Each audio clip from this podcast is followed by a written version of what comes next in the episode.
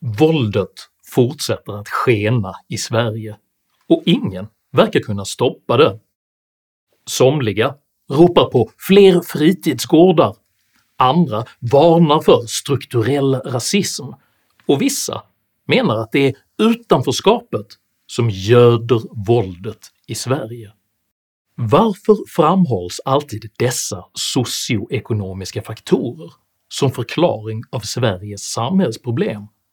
Vad säger Brottsförebyggande rådets nya rapport om just dessa faktorer? Och vad händer med ett samhälle som låser sig vid ideologi på bekostnad av empiri? Dessa frågor tar jag upp i veckans video om socioekonomins slut. För snabba kommentarer och klipp ber jag er att inte glömma bort att följa min nya YouTube-kanal Henrik i korthet här ovanför.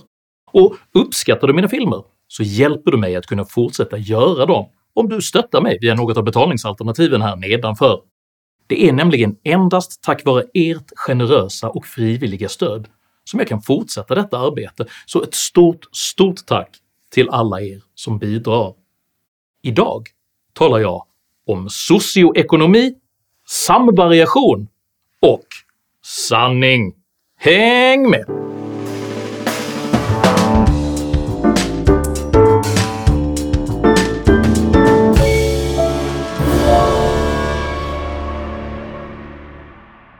“The revolution will not be televised” skaldade jazzpoeten Gilbert Scott Heron 1971 som en påminnelse om att verklig förändring kräver aktivt deltagande.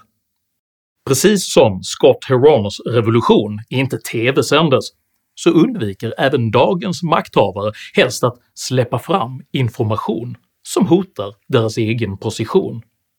Känsliga, skrämmande och potentiellt samhällsomstörtande frågor som till exempel Sveriges unikt skenande våldskriminalitet hotar därför inte bara samhället och dess medborgare, utan även den rådande maktordningen. Detta har gjort den senaste tidens nyhetsflöde allt mer besvärande, då det i tilltagande utsträckning inte längre skildrar en verklighet som stämmer överens med svenskarnas bild av sig själva och sitt land.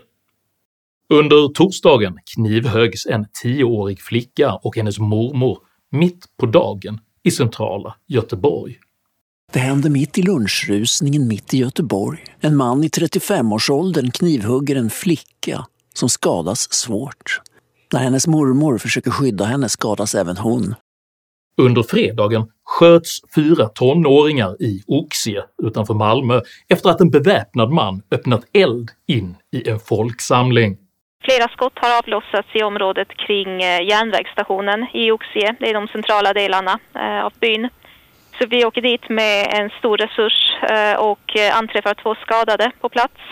Kort därpå så anträffas ytterligare två skadade personer. Det här har ju också inträffat i princip mitt i ett bostadsområde med flerfamiljshus. Senare samma natt mördades en man i Tullinge i vad som förefaller vara ett vedergällningsdåd mellan kriminella klaner. När mannen i 50-årsåldern öppnade dörren vid midnatt blev han skjuten i bröstet och han avled senare på sjukhus. En av parterna i den upptrappade och hämndfyllda gängkonflikt med sprängningar och mord som pågått kring Stockholm sedan julhelgen. Att pappan till en gängkriminell skjuts på det här sättet, vad drar du för slutsatser av det? Ja, men att det är en gräns som har passerats. På lördagsnatten sprängdes en privatbostad utanför Helsingborg och ett par timmar senare rapporterades en hög smäll i förorten Botkyrka ha utlöst vad som nu utreds som mordbrand. Under söndagskvällen sprängdes porten till ett bostadshus i Helsingborg och ett par timmar senare besköts ytterdörren till en privatbostad i stadsdelen Limhamn i Malmö. På måndag kväll sköts en man på Kungsholmen i centrala Stockholm och ett par timmar senare sköts en man ihjäl i stadsdelen Flemingsberg. Enligt eh, källor till SVT så ska offret vara en man i 30-årsåldern och hemmahörande från början i Södertälje. Han ska vara känd av polisen sedan tidigare och har släktband till nätverk i Ronna, Södertälje. Denna kavalkad av våldsdåd är alltså bara ett axplock av vad som har hänt på mindre än en veckas tid. Majoriteten av dessa händelser omnämns nu endast i förbigående i medierna eftersom de dessvärre representerar Sveriges nya normaltillstånd. Floden av rapporterade våldsincidenter är nu så stor att varken medier eller medborgare längre höjer på ögonbrynen inför vad som pågår. Denna utveckling är ett skolboksexempel på så kallad desensitisering, vilket helt enkelt innebär att människor trubbas av och slutar att reagera på fenomen som tidigare hade uppfattats som oacceptabla. Detta leder i sin tur till att intresset för brottsrapporteringen sjunker, och vad som tidigare hade varit en första sidesnyhet nu istället blir en hastigt bortglömd notis. Denna avtrubbningens passiva glömska gagnar just de som vill undfly ansvar för den uppkomna situationen, för den primära anledningen till att förfallet har kunnat gå så långt som det har gjort är att aktivister och ideologer inom media och politik under många, många, många år konsekvent har ansträngt sig för att spela ner alla problem. Självklart är brottsligheten ett problem, men jag menar i, i, i dagens läge finns det så otroligt mycket annat att oroa sig för att den här uppgraderingen av brottsligheten som en av de allra viktigaste eh, samhällsfrågor eh, det är förstås stor framgång för dem som vi försöker vinna makten på de här frågorna. Men utifrån någon sorts objektivt perspektiv är det en kraftig överdrift. Kriminalitetsutvecklingen har sedan konsekvent beskrivits som ett resultat av socioekonomiska faktorer, vilka i sin tur är en konsekvens av en osolidarisk och otillräcklig omfördelningspolitik.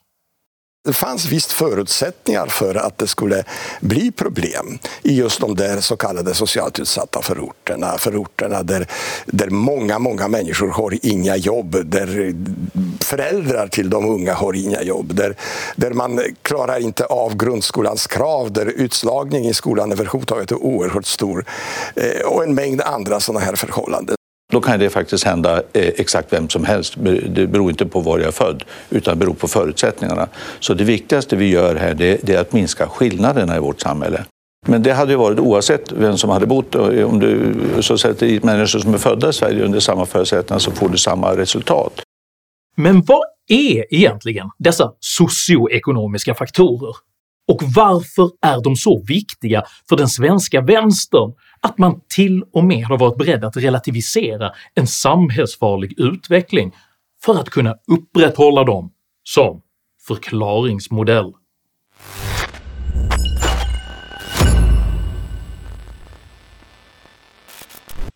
Socioekonomisk skiktning är en arbetsmodell som samhällsstatistiker använder för att dela in ett lands befolkning i grupper, vilka i grund och botten ungefär motsvarar marxismens klasser. De socioekonomiska faktorer som återkommande anförs i kriminalitetsdebatten är alltså ytterst en form av klassanalys, där brottslighet och antisociala tendenser anses vara konsekvensen av sociala och ekonomiska orättvisor.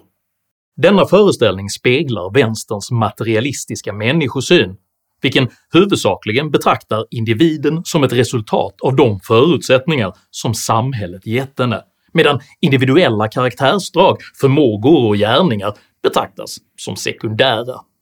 Denna människosyn agensberövar individen och gör istället ytterst stat och samhälle ansvarigt för människans gärningar, där alla individuella karaktärsuttryck ses som ett resultat av ojämlikheter som måste utjämnas genom mer redistribution och social ingenjörskonst. Utifrån detta synsätt beror framgång på otillbörliga privilegier och misslyckande på strukturellt förtryck, och lösningen på problemet är alltid mer socialism. Under decennier har därför politiker, journalister och aktivister aktivt motarbetat kunskap som motsäger den socioekonomiska tes som hela deras ideologi vilar på. 2017 sa till exempel dåvarande justitieminister Morgan Johansson blankt nej till att låta Brottsförebyggande rådet ta fram ny kunskap rörande brottsmisstänktas demografi, och kriminologiprofessor Jerzy Sarnecki avfärdade hela frågeställningen som ointressant. Varför är det inte bra med fakta? Alltså det, det, det, det alltså, över jag, tio år sedan jag det gjordes. Jag är definitivt intresserad av fakta, men jag är intresserad av fakta som är betydligt mer sofistikerade. När Brottsförebyggande rådet 2021 trots denna motvillighet började undersöka Sveriges unikt accelererande dödsskjutningar i rapporten “Dödligt skjutvapenvåld i Sverige och andra europeiska länder” noterade forskarna att Även om det inte ingår i uppdraget att studera detta är frågan om skjutningar i kriminell miljö högst aktuell. Ökningen i dödligt skjutvapenvåld i kriminell miljö har nu pågått i över ett decennium i Sverige, men mekanismerna bakom denna utveckling har till stor del förblivit oklara. Även om det inte uttalat ingår i Brottsförebyggande rådets uppdrag att söka svar på dessa frågor så är det värdefullt att beakta resultaten i ett bredare perspektiv. Det är svårt att inte tolka Brottsförebyggande rådets återkommande hänvisningar till undersökningsuppdragets hårda avgränsningar som en subtil kritik av regeringens kunskapsrestriktioner, för det är tydligt att regeringen utformade Brottsförebyggande rådets uppdrag för att undvika ideologiskt besvärande slutsatser. Det är således föga överraskande att Brottsförebyggande rådets nya undersökning “Socioekonomisk bakgrund och brott” har mötts av kompakt medial tystnad, för den kullkastar nämligen exakt hela vänsterns ideologiska fundament.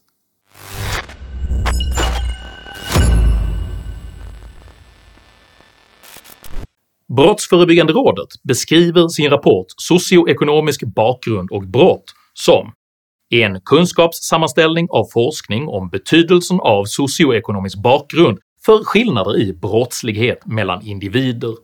Man inleder med att konstatera den vedertagna överrepresentationen av brottslighet i de lägre socioekonomiska skikten.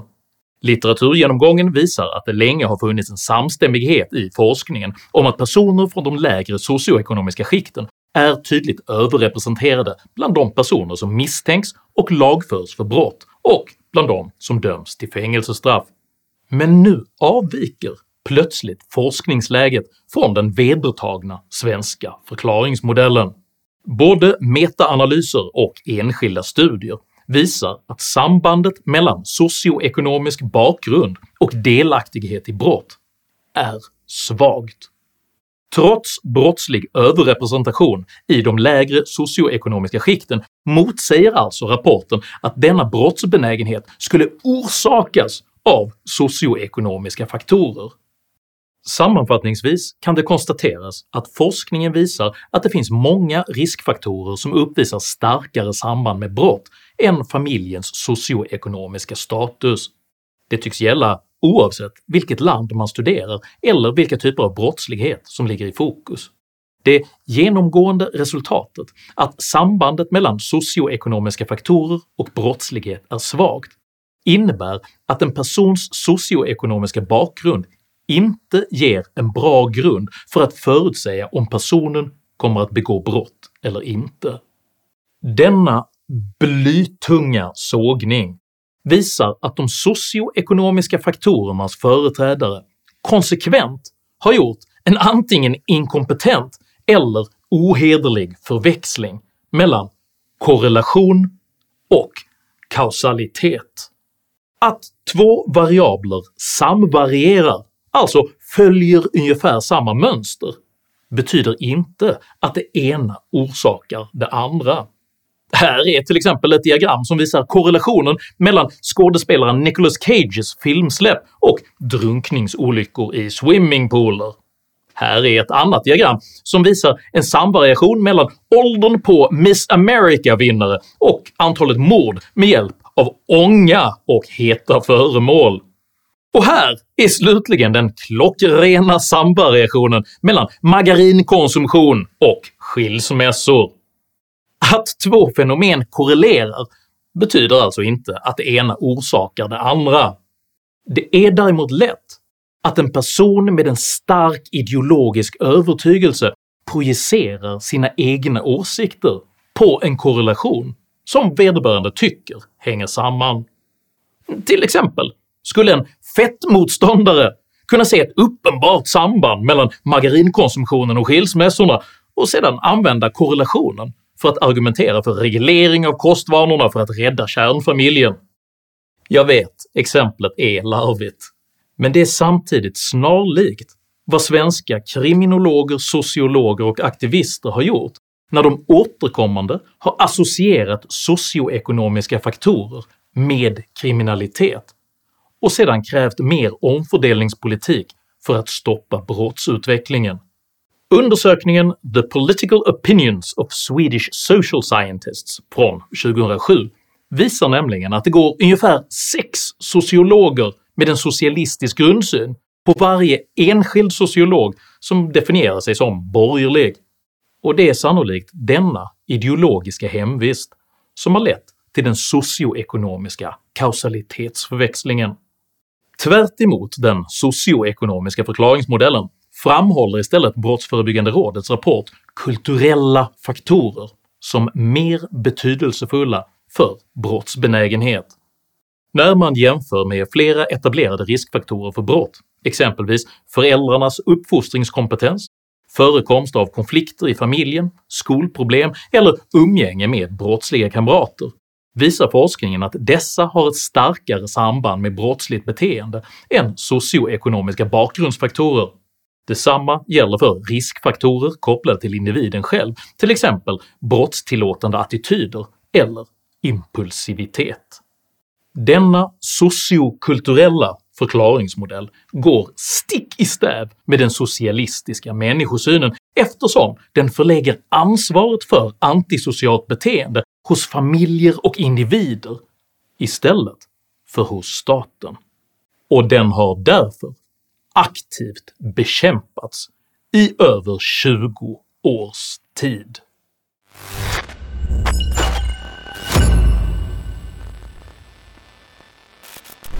Redan 2005 framlade Folkpartiets dåvarande integrationstalesman Mauricio Rojas hypotesen att just denna typ av sociokulturella faktorer kunde förklara skillnaden i brottsbelastning mellan olika samhällsgrupper.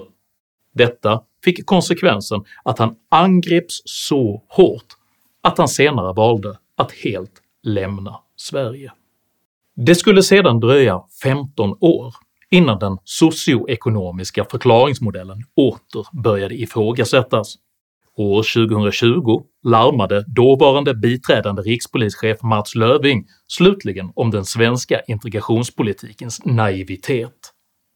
Vi kan uppfatta att den här diskussionen om integration ibland kan vara lite naiv i Sverige. Hur då? Eh, för det är ju på det sättet att det är långt ifrån alla människor som vill bli eh, en del av det svenska samhället. Dessutom är det så att hela familjen, hela släkten, hela klanen uppfostrar sina barn för att ta över den, styrningen av den kriminella organisationen.